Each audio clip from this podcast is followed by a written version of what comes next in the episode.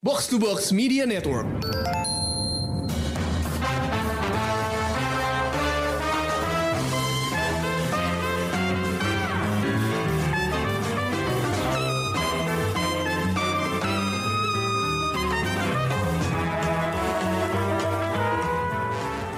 Konnichiwa minasang, Showbox Podcaster Yokoso.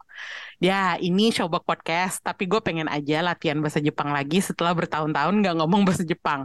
Maklum, sekarang kan kita punya segmen Show Japan di Showbox, jadi boleh lah dikit-dikit latihan.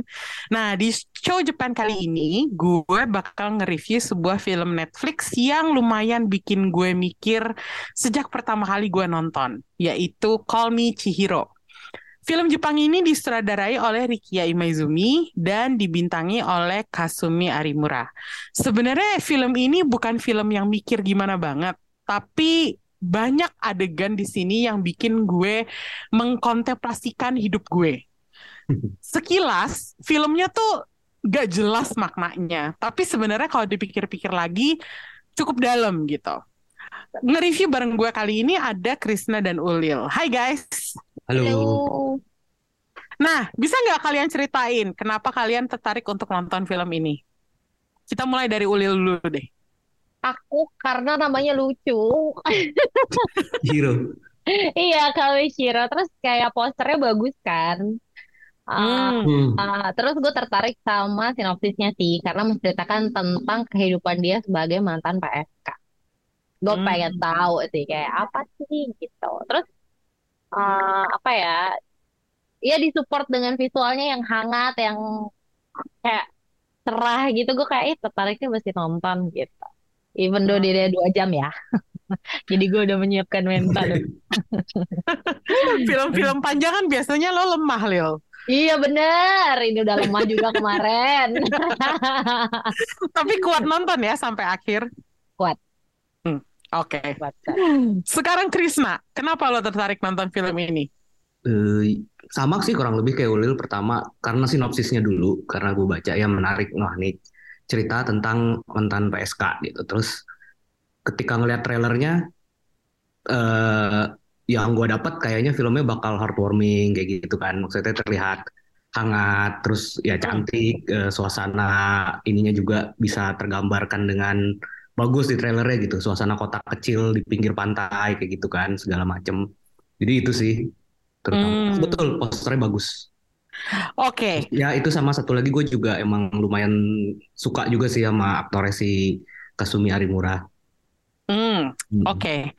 Eh, tapi yang gue penasaran, ini gimana lo mendeskripsikan film ini? Masuk genrenya tuh apa dan tema besarnya tuh apa? Karena jujur aja, gue merasa kalau kita nyebut ini film slice of life agak bukan slice of life juga gitu loh. Gimana, Chris? Gimana cara lo mendeskripsikan film Call Me Chihiro ini? Iya, secara garis besar ya apa sih ya maksudnya menurut gue sih tetap drama slice of life ya Mm-mm, tetap itu jadi kayak emang potongan hidup Chihiro di bagian ini gitu kan mm-mm, tapi ya secara garis besar yang lain ya temanya sih tentang kesepian ya gak sih Hmm. tentang move Ya. on dari trauma masa lalu terus kayak berbuat baik itu ikut bisa membantu melepaskan itu semua gitu itu sih yang gue tangkep Hmm. Ulil ada interpretasi lain dari tema filmnya?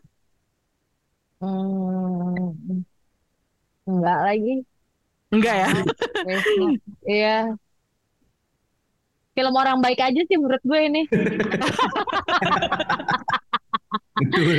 Mengajarkan berbuat baik di kehidupan zaman sekarang di mana orangnya banyak yang selfish ya. Iya dan dan Iya, itu iya. bisa apa ya berdampak ke orang lain juga dan untuk Iya. diri sendiri juga gitu. Bener, kayak Hmm. ya film orang baik sih. Kayak gambarin kalau lo tuh bisa jadi seseorang dan fulfill orang lain gitu. Hmm. Sedikit ada mental health-nya ya. Karena Ritanya di belakang tuh agak sedikit mencolek-colek itu kan. Iya. Ada Ya, kesehatan betul. mentalnya juga kan. Jadi Betul. menurut gue ya eh dan dan dan ngungkapin itunya sih udah cukup cepet ya dari cerita awalnya gitu. film orang baik. Aku lagi coba film orang baik. Abis mau bilang film keluarga nggak mungkin kan?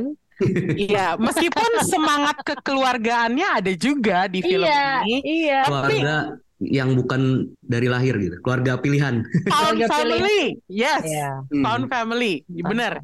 Em, ini gue mau kasih spoiler alert di sini Hmm. karena ada satu hal yang pengen gue bahas yang mungkin untuk berbagai orang ini bisa jadi spoiler. Tapi ini ada hubungannya sama judul film ini. Nih gue masih membahas judulnya, tapi karena ada spoiler, jadi alert ya buat yang belum nonton. silakan nonton dulu dua jam, lo telan aja, abis itu lo dengerin lagi podcast ini. Ini yang pengen gue bahas sekarang adalah eh, tentang karakter utama kita, Chihiro. Yang sebenarnya nama asli dia bukan Chihiro. Itu kayak semacam stage name dia kan. Iya. Mm-mm. Sama kayak gue kah waktu gue mengetahui bahwa ternyata nama dia itu bukan Chihiro tapi Ayah. Hmm. Kalau reaksi lo tuh gimana waktu mendengar itu? Nih, ini film udah beneran pakai judul Jepangnya pun Chihiro ya, Chihiro Chihiro-san. San. Nah, sementara bahasa Inggrisnya Call Me Chihiro, tapi ternyata nama dia bukan Chihiro. itu buat gue kayak ap- agak apa ya, agak twist gitu buat gue. Kalau buat lo tuh gimana? Gua sih, eh, gua nggak, gua nggak nggak nebak kalau itu bukan nama aslinya dia. Tapi Hmm. ketika itu di reveal, gue sebenarnya udah mulai curiga ketika dia ketemu pas ada bagian flashback kan pas dia masih kecil. Ah, Nah, terus dia ketemu so- sosok perempuan yang membantu dia saat itulah gitu, yang namanya Chihiro kan.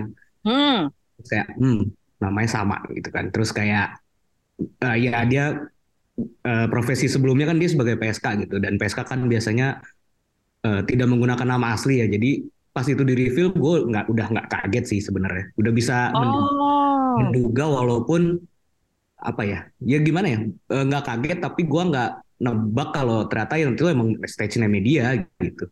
hmm. Itu udah ada petunjuk ya sih kalau dipikir-pikir. Oh oke, Gue agak miss tuh di bagian itu Chris. Jadi gue bagi gue adalah, hah, kenapa namanya Chihiro? Tapi terus gue Iya. mikir lagi, oh iya ya dia pernah ketemu sama eh, wanita yang sepertinya juga PSK Iya. gitu. Ya. Ya kan? Iya nggak name itu juga. Iya, Iya, betul. karena dia Betul, ngasih betul. kartu nama kan. Ha, ha, ke dan, massage dan parlor gitu. Chihiro gitu. ha, ha. Kalau Lil gimana? Nebak nggak atau nggak Udah, ketebak? gue udah nebak lagi.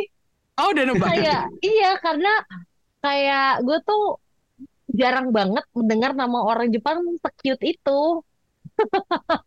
Biasanya tuh, Oh, biasanya Spirited kayak Away namanya Chihiro. kayak bisa Harumi gitu gak sih? Hana, Akari, Keiko. Jadi pas kayaknya nggak mungkin deh nama aslinya Chihiro gitu. hmm. Dan Kecurigaan itu berarti sudah tumbuh dari sejak pertama kali lo mendengar nama Chihiro ya. iya, dan baca sinopsisnya sih. PS mantan PSK kan. Jadi kayak nggak mungkin aja gitu. Berarti satu-satunya orang yang kaget di sini adalah gue ya. gue kayak merasa, wah, udah pakai nama judul filmnya Call Me Chihiro, tapi ternyata nama dia Aya. Kayak Yang mana gue juga suka nama Aya sebenarnya. Gue iya loh.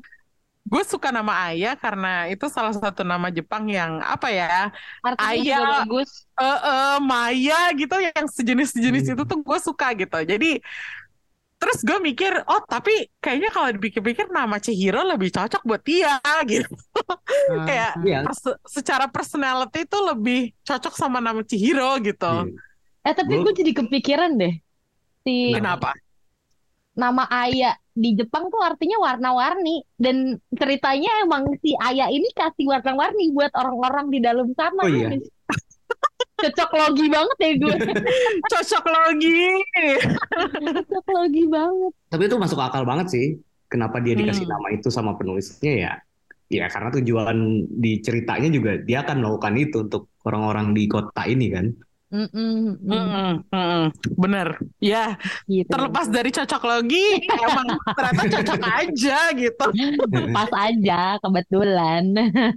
Nah, apa pendapat lo tentang karakter Chihiro di sini dan penampilan si aktris Kasumi Arimura sebagai Chihiro?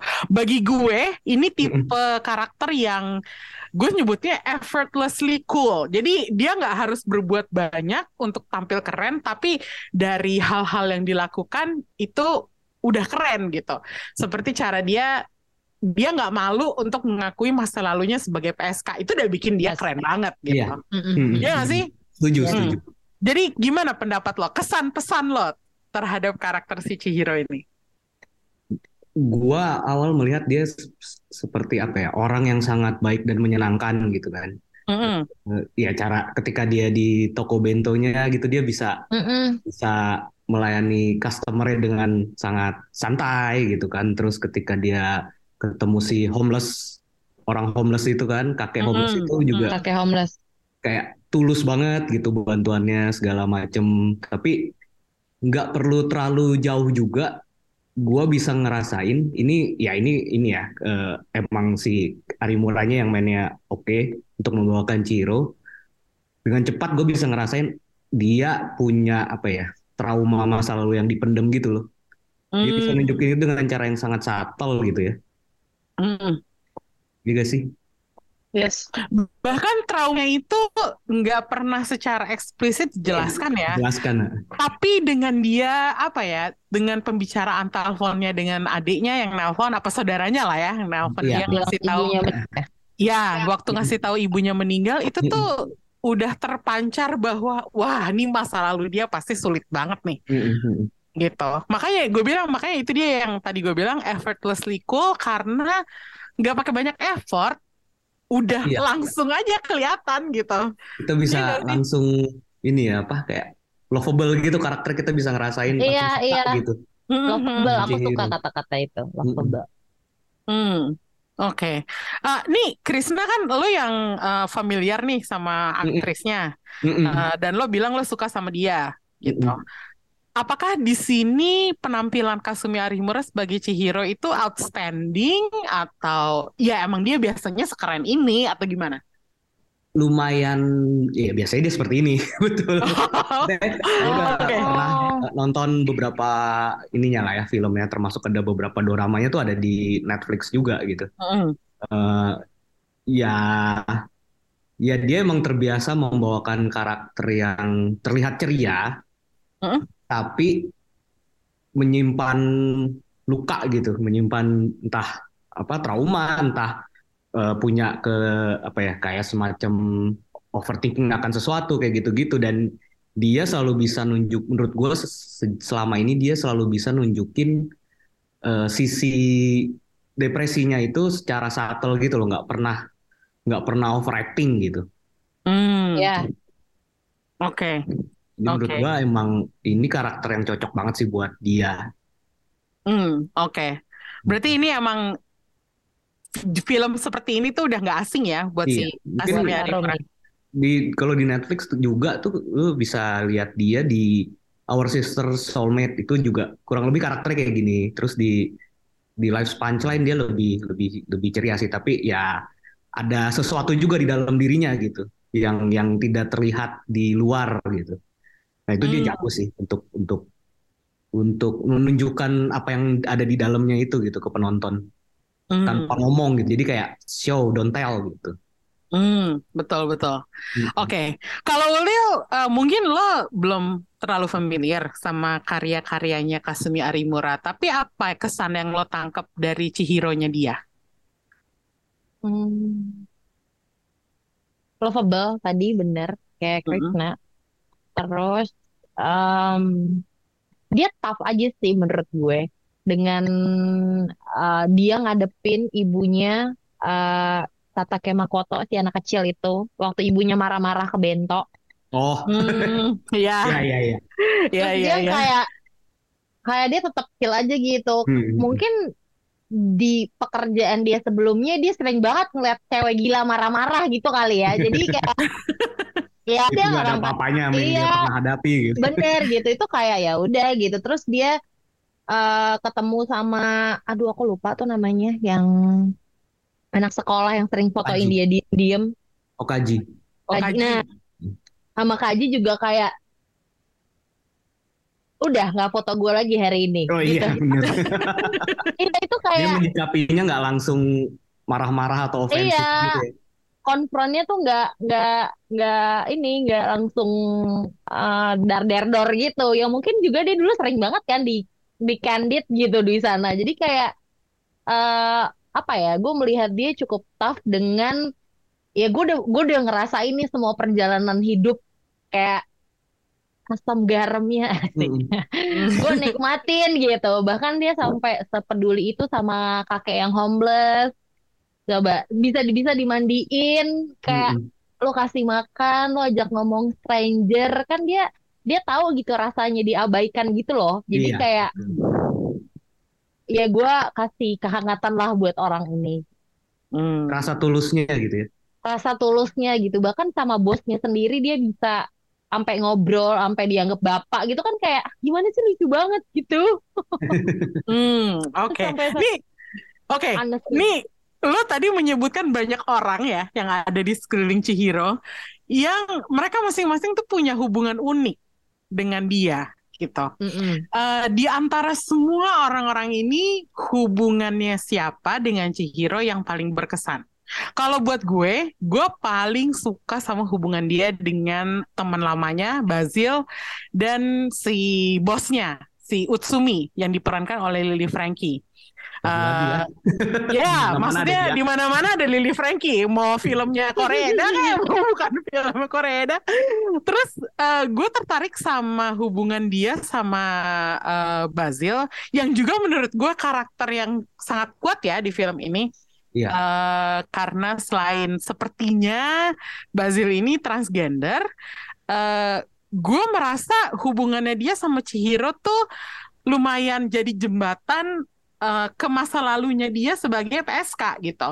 Banyak cerita masa lalu Chihiro yang keluar dari interaksi mereka, dari interaksi Chihiro dengan Basil dan juga interaksi Chihiro dengan si Utsumi, bosnya. Eh, gue tuh juga suka cara mereka ketemu, bahkan sesimpel itu. Eh, Basil yang datang nyamperin Chihiro di rumah, terus Nungguin di mereka depan rumahnya gitu ya. Iya, nungguin di Mm-mm. depan rumahnya itu udah jadi apa ya? Eh, introduction terhadap karakternya tuh jadi kuat buat gue.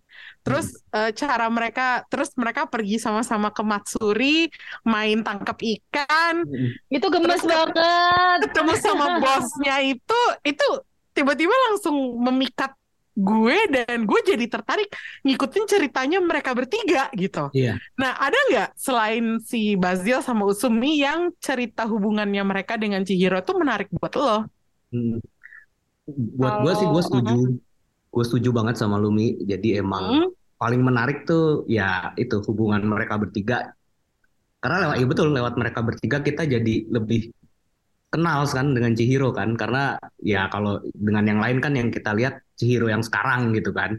Hmm. Tapi ketika dia ngobrol ngobrol sama si Basil gitu kan, itu kayak eh ya di situ dia bisa ngobrol serius tentang masa lalunya kan, dan kayak oh ternyata memang dia menyimpan sesuatu gitu. Terus gua juga sangat suka ketika dia ketemu bosnya gitu, terus ngobrol santai aja gitu kan Mm-mm. di meja gitu kan, update hidup Eh, Uh-uh. update hidup bener kayak kayak udah gitu aja gitu dan dan terus pas pas salah satu momen paling hangat juga pas flashback ke ininya sih ke masa lalu si Chihiro dan Utsumi ini pas si Chihiro mau kerja di tempat Utsumi kan?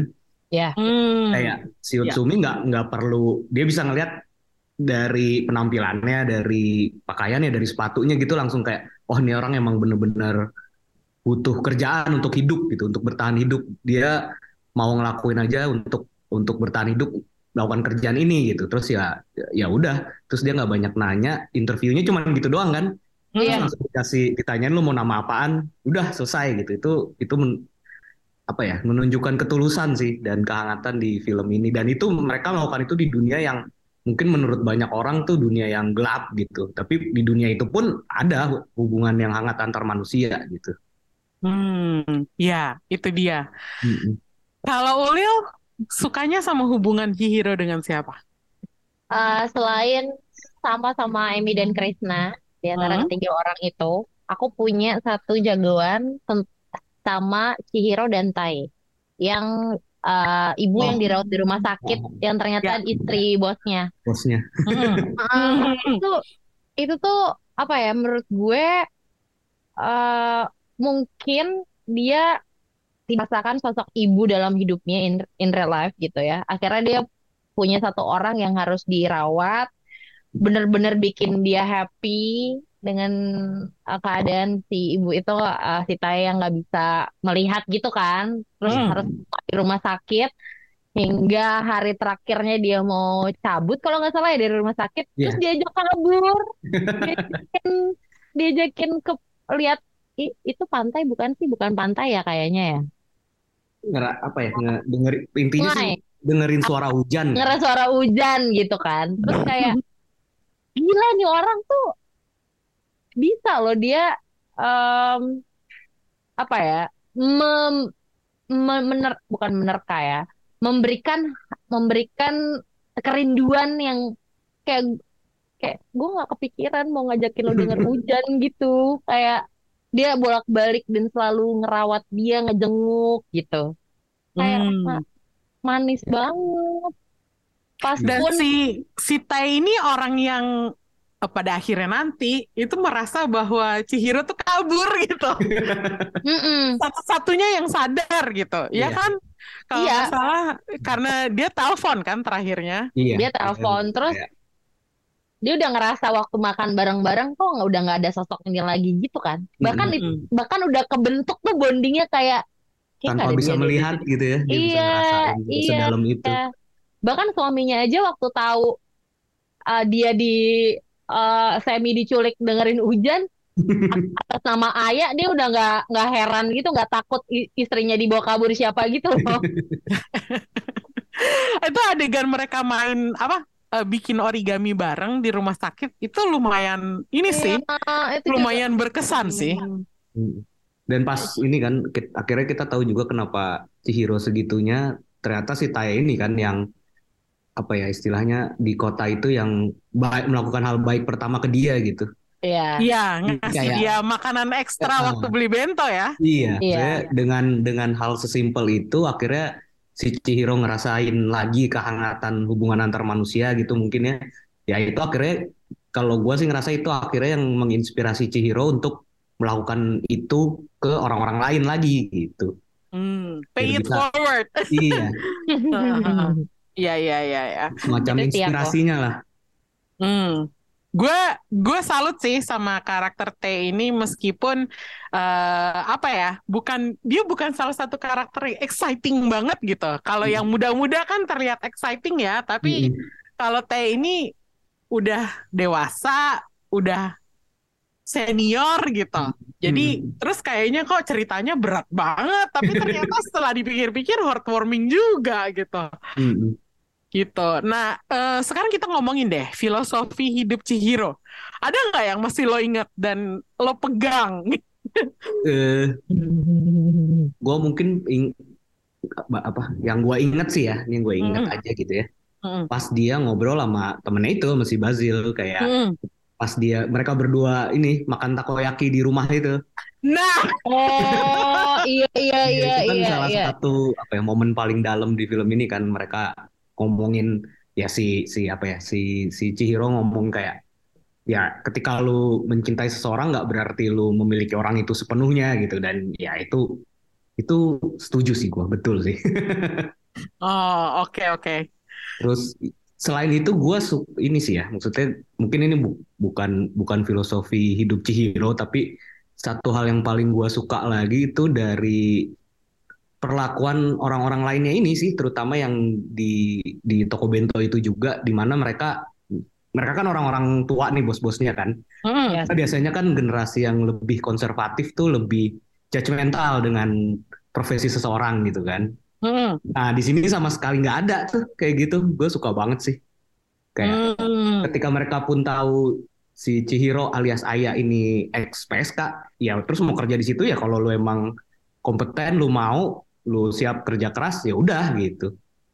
Sebenarnya ada lagi Chris adegan yang judgmental gitu dari eh, chef yang satu lagi nya, Oh si yang satu lagi. si si si staff yang satu lagi ya. Ah, ah, yang namanya Nagai kalau nggak salah. Oh iya. iya. Si Tapi- Nagai Sang itu kan kayak seakan-akan dia komplain bahwa ah dia eh, apa banyak diomongin orang karena dia PSK gitu. di awal itu kan. ya. Ah, ah, tapi terus udah gitu si Chihiro nanggepinnya cuman semua orang juga udah tahu kok Hmm, gitu. hmm. Iya kan Iya, iya, guys iya, gitu betul, dia ngomong ke pelanggannya di luar terus mereka bilang iya kita udah tahu gitu. Jadi setelah itu si Nagai Sang sepertinya udah agak ya udah nerima Nyantai. aja Iya, gitu. iya, iya, oke. Iya nggak sih? Betul betul.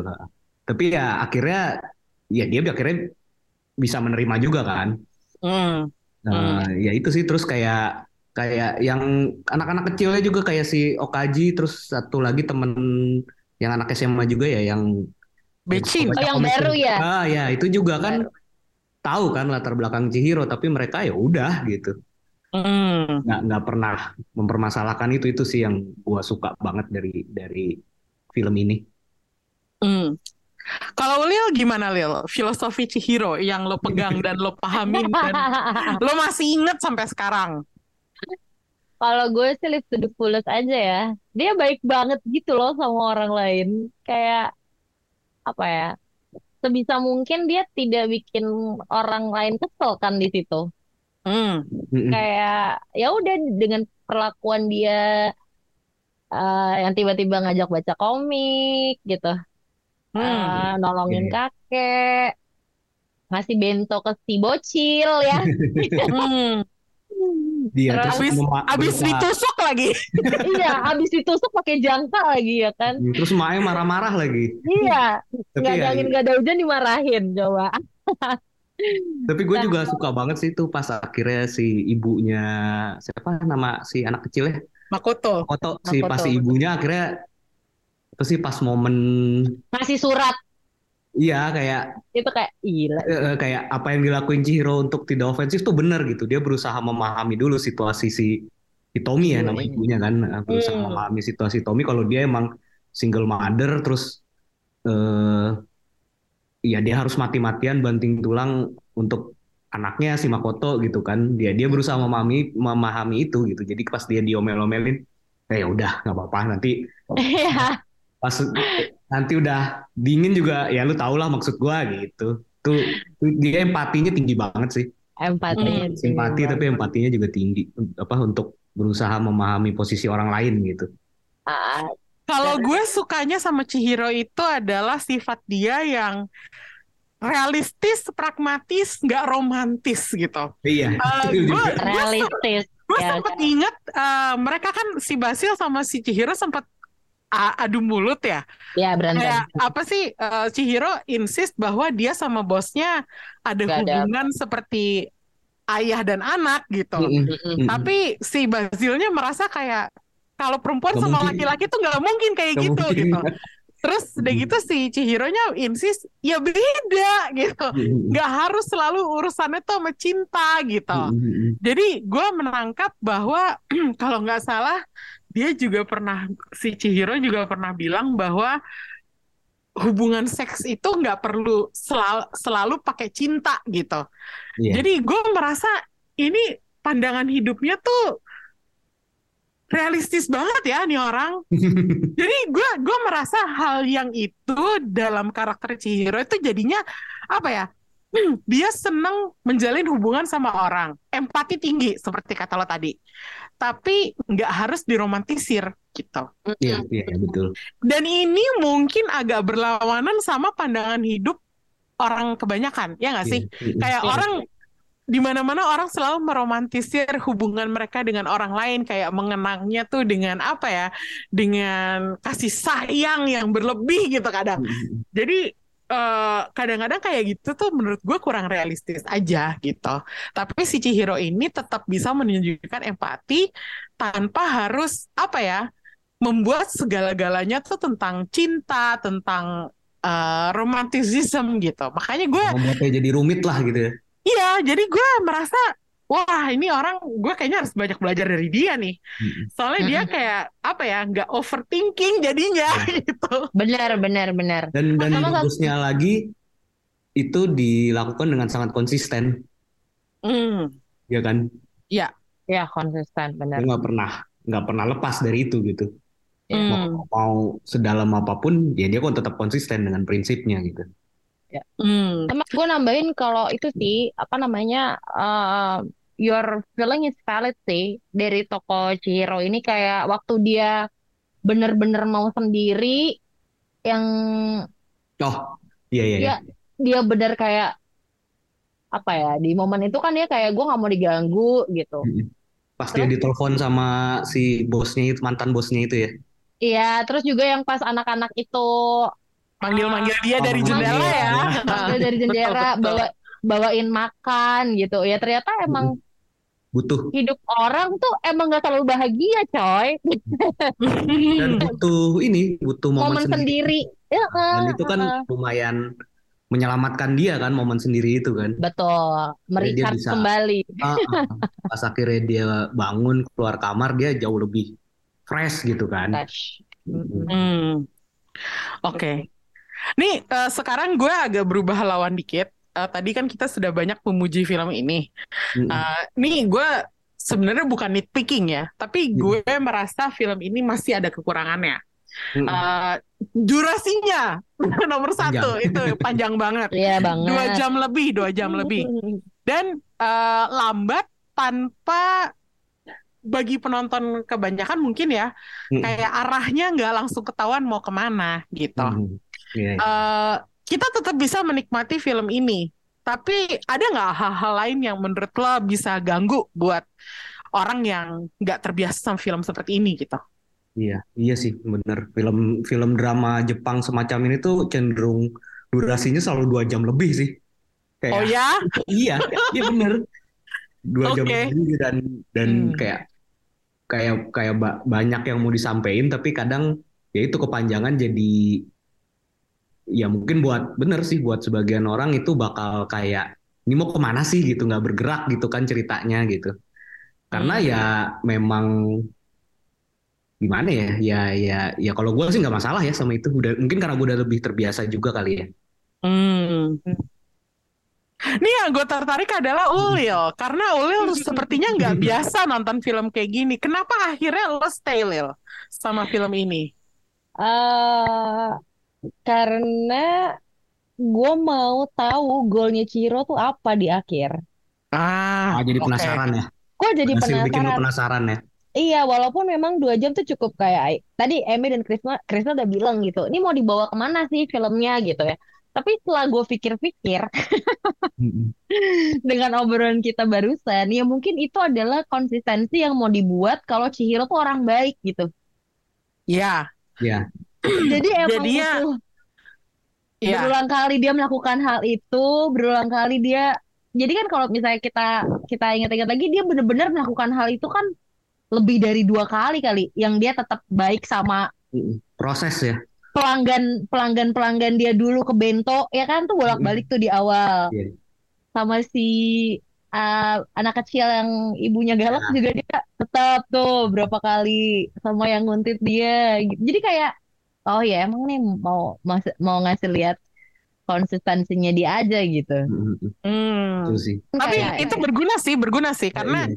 akhirnya terbentuk dengan jelas dan kita langsung bisa tahu bahwa oh inilah dia, inilah Chihiro gitu. Iya. Gunanya dia di dunia ini adalah fulfill orang-orang yang kesepian dan hatinya kosong gitu kan.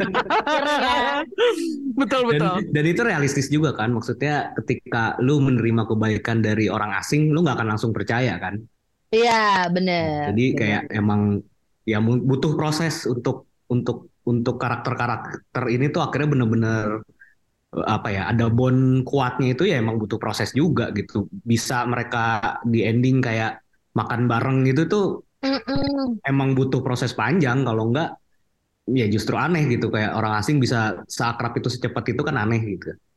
Hmm, Ya mungkin betul. proses itu yang yang yang harus dibangun dengan sabar sih. Ya penonton juga harus sabar, penontonnya juga harus Iya, sabar. jadi penonton harap bikin. Tapi guys, gue masih ada satu keluhan lagi loh.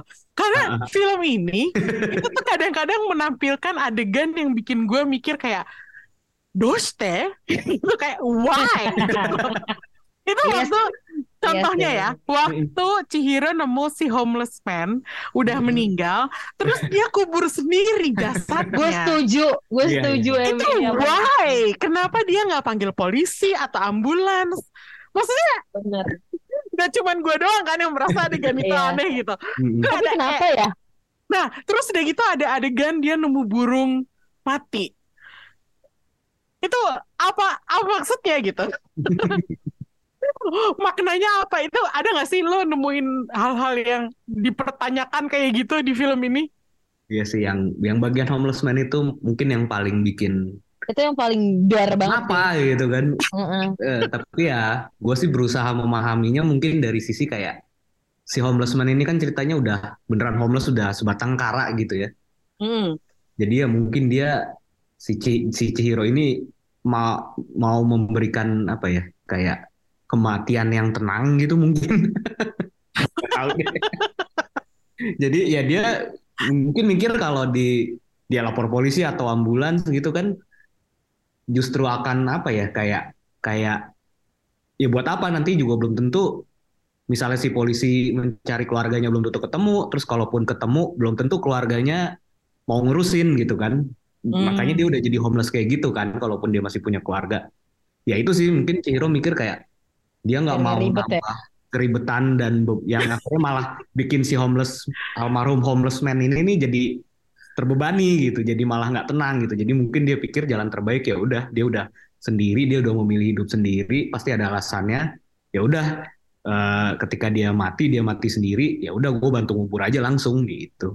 Itu sih mungkin yang berusaha gue berusaha memahami aja sih cuman gue tetap nggak tahu dengan pasti kenapanya gitu. Lo ada nggak Lil adegan yang bikin lo kayak, hah? Kok gini banget sih? gitu?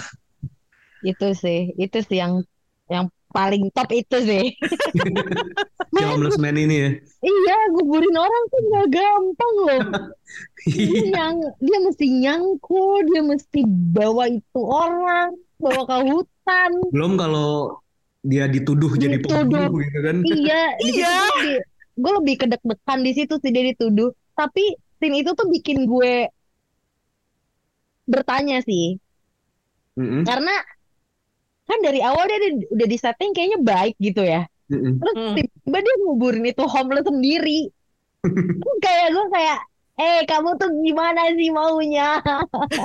mungkin mungkin ini sih kalau menurut gua kita mungkin perlu ini juga sih konteks budaya di sana ya mahamin dulu kalau homeless man di sana tuh rata-rata memang udah sebatang kara yang Nggak dianggap gitu. entah nggak punya keluarga lagi memang gitu misalnya dia Mm-mm. memang nggak punya anak atau apa atau memang dia sudah putus hubungan puluhan tahun sama keluarganya gitu jadi memang memang ya mungkin itu yang coba dihormatin Chihiro sih kenapa dia hidup sendiri mungkin jangan-jangan emang pilihan dia untuk untuk untuk hidup sendiri gitu Hmm. Oke, ya ya masuk akal sih.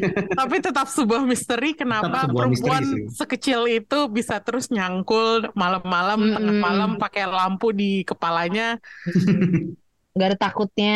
Iya Iya, gitu. Meskipun musiknya di situ agak berubah ya, sedikit agak lebih mencekam daripada musiknya. thrilling gitu ya Iya. Jadi gue merasa, hah? Apakah jangan-jangan ini langsung berubah genre? Hmm. Tiba-tiba Nah, jadi iya. thriller. Bener, Untungnya enggak ya? untungnya enggak. Astaga deh. Tapi itu bener-bener ngagetin banget sih. Kayak itu beneran satu momen yang bikin gue, hah? Kenapa sih gitu? Wow, wow banget deh. Kuat banget lagi. Dianya kecil gitu kan. masih di awal-awal lagi ya Iya, Iya, kan belum ada, sampai separuh film itu. iya kan ada kemungkinan plot twist ya. Kan kita takut. Malah bukan film slice of life, malah jadi film misteri jadinya nanti. Iya. Oke, sekarang kita ke endingnya. Ini sesuatu hal yang gue penasaran banget dan pengen gue omongin. Ini apakah bisa dibilang happy ending? Maksud gue, kenapa dia milih untuk pergi dari lingkungan yang udah bikin dia merasa connected, berasa punya keluarga, less lonely. Kenapa dia meninggalkan semua itu? Lo ada ada ide nggak? Hmm, sebenarnya dibanding kejadian penguburan tadi Hah? gue lebih heran sama yang ini sih Oh ya? Oke. Iya, maksudnya Oh Kayak ya, oke oke. semua perjalanan yang mau dia lalui dengan apa ya meninggalkan eh, masa lalunya terus pindah ke kota ini stay di kota ini terus mulai membangun hubungan sama orang-orang di situ itu kan sebenarnya udah tercapai kan dan Ya. itu sebenarnya udah ya kayak lu bilang dia udah akhirnya bisa lebih merasakan ber- punya keluarga lagi lebih apa ya tidak kesepian lagi gitu terus ya terus dia memutuskan pindah tuh membuat aku agak cukup bertanya-tanya sih tapi ya mungkin gitu dia ingin memastikan kalau dia sudah benar-benar apa ya udah benar-benar lepas dari masa lalunya gitu kayak kayak Hmm. ketika dia berpindah lagi apakah dia akan menga- ketika dia maksudnya dia dia walaupun di kota itu sudah punya teman sudah punya keluarga baru tapi kan kayak lu bilang tadi dia orangnya realistis kan pragmatis Ya. dia tahu suatu saat dia akan hidup sendiri lagi gitu. Dia nggak teman-temannya ini nggak nggak bisa diandelin untuk selalu ada untuk dia gitu. Nah dia ya mencoba apakah setelah dia pindah ke tempat baru sendirian lagi apakah depresi dia dari masa lalu itu muncul lagi apa enggak gitu. Kalau menurut gue sih itu dia pengen ngelihat itu sih memastikan itulah Hmm. Oke, interpretasinya menarik juga sih. Iya, dan dan pas ditanya kan sama dia kan terus kayak ceritanya kerja di peternakan gitu kan Hmm. Iya.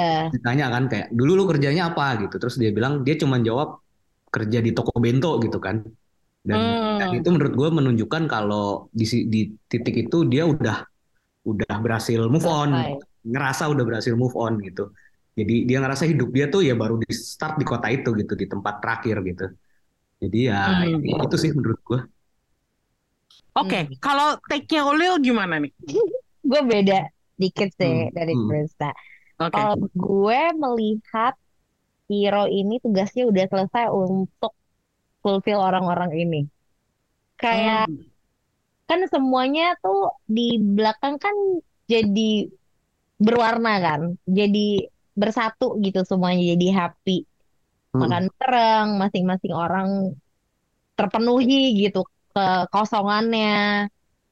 Terus kayak dia ngerasa kayaknya ini orang udah pada happy, tugas gue udah selesai nih gitu. Jadi gue kayak ya gue mencari tempat lain lagi deh gitu. Kan kayak Hmm. film-film yang kayak Man Call Otto kan gitu ya. Dia akhirnya yang dikenang jasanya aja gitu. Berjasa Hmm. baiknya Jadi- aja. Jadi kayak dia kayak ngerasa punya misi gitu ya punya misi, betul. atau mungkin bisa juga saatnya untuk dirinya sendiri gitu Benar. Nggak salah juga sih, nggak salah juga sih. Eh, sepertinya dua take kalian ini eh, ada validnya, valid banget kalau menurut gue. Tapi kalau kalau gue boleh ini? menginterpretasikan endingnya Ya. itu adalah bahwa ternyata hidup tuh nggak berakhir pada saat semua orang udah happy. Ini Iya, iya. Bagi, hanya bagian dari perjalanan si hero. Dia masih akan berkembang lagi, Iya sih. berevolusi lagi sebagai karakter yang kita nggak akan tahu kecuali kalau ada film keduanya gitu. Tapi kita bisa anggap bahwa perjalanan dia belum selesai. Belum selesai. Maka itu dia mungkin mencari jalannya sendiri dengan pindah ke kota lain dan menjalani hidup baru. Kan sebelumnya dia di kota tepi pantai.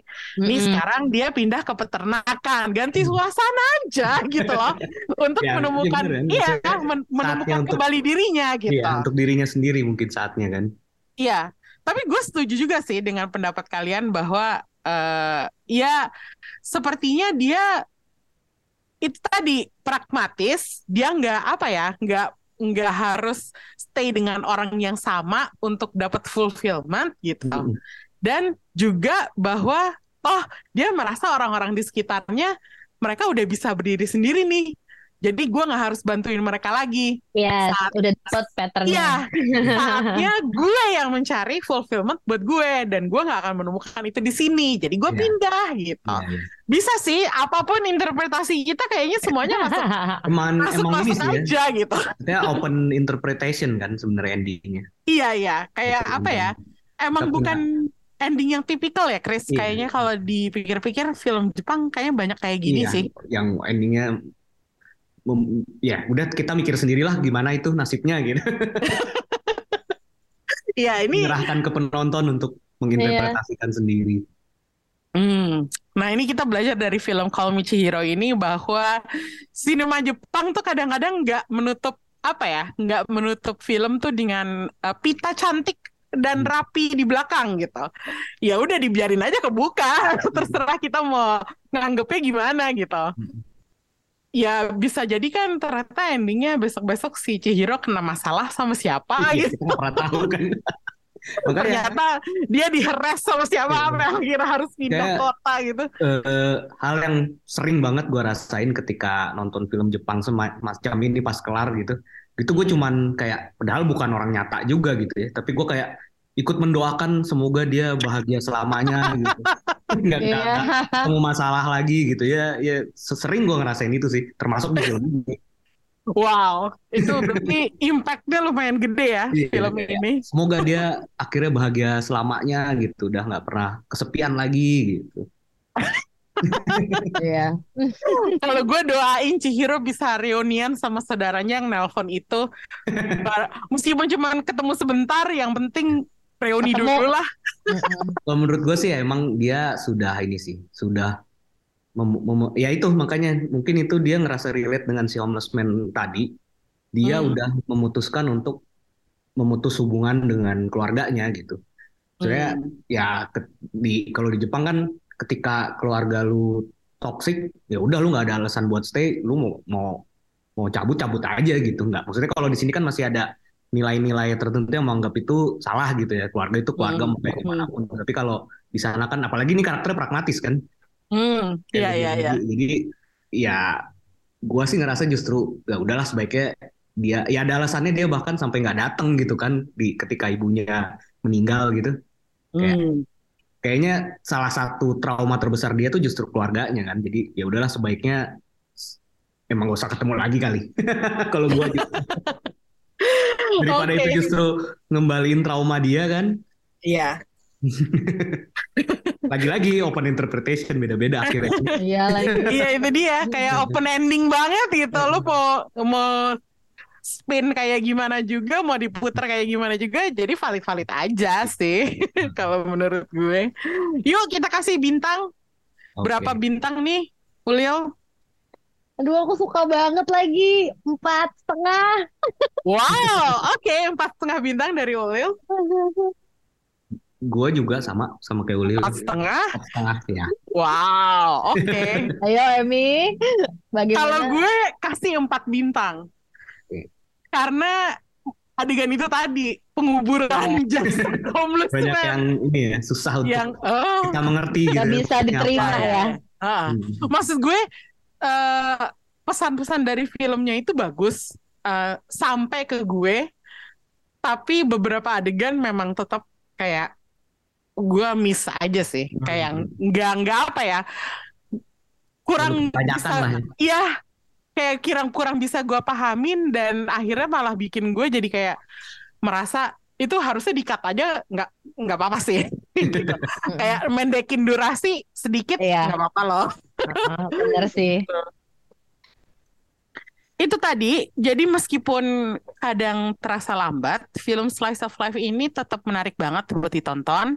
Eh, kalian bisa langsung nonton aja film ini di Netflix.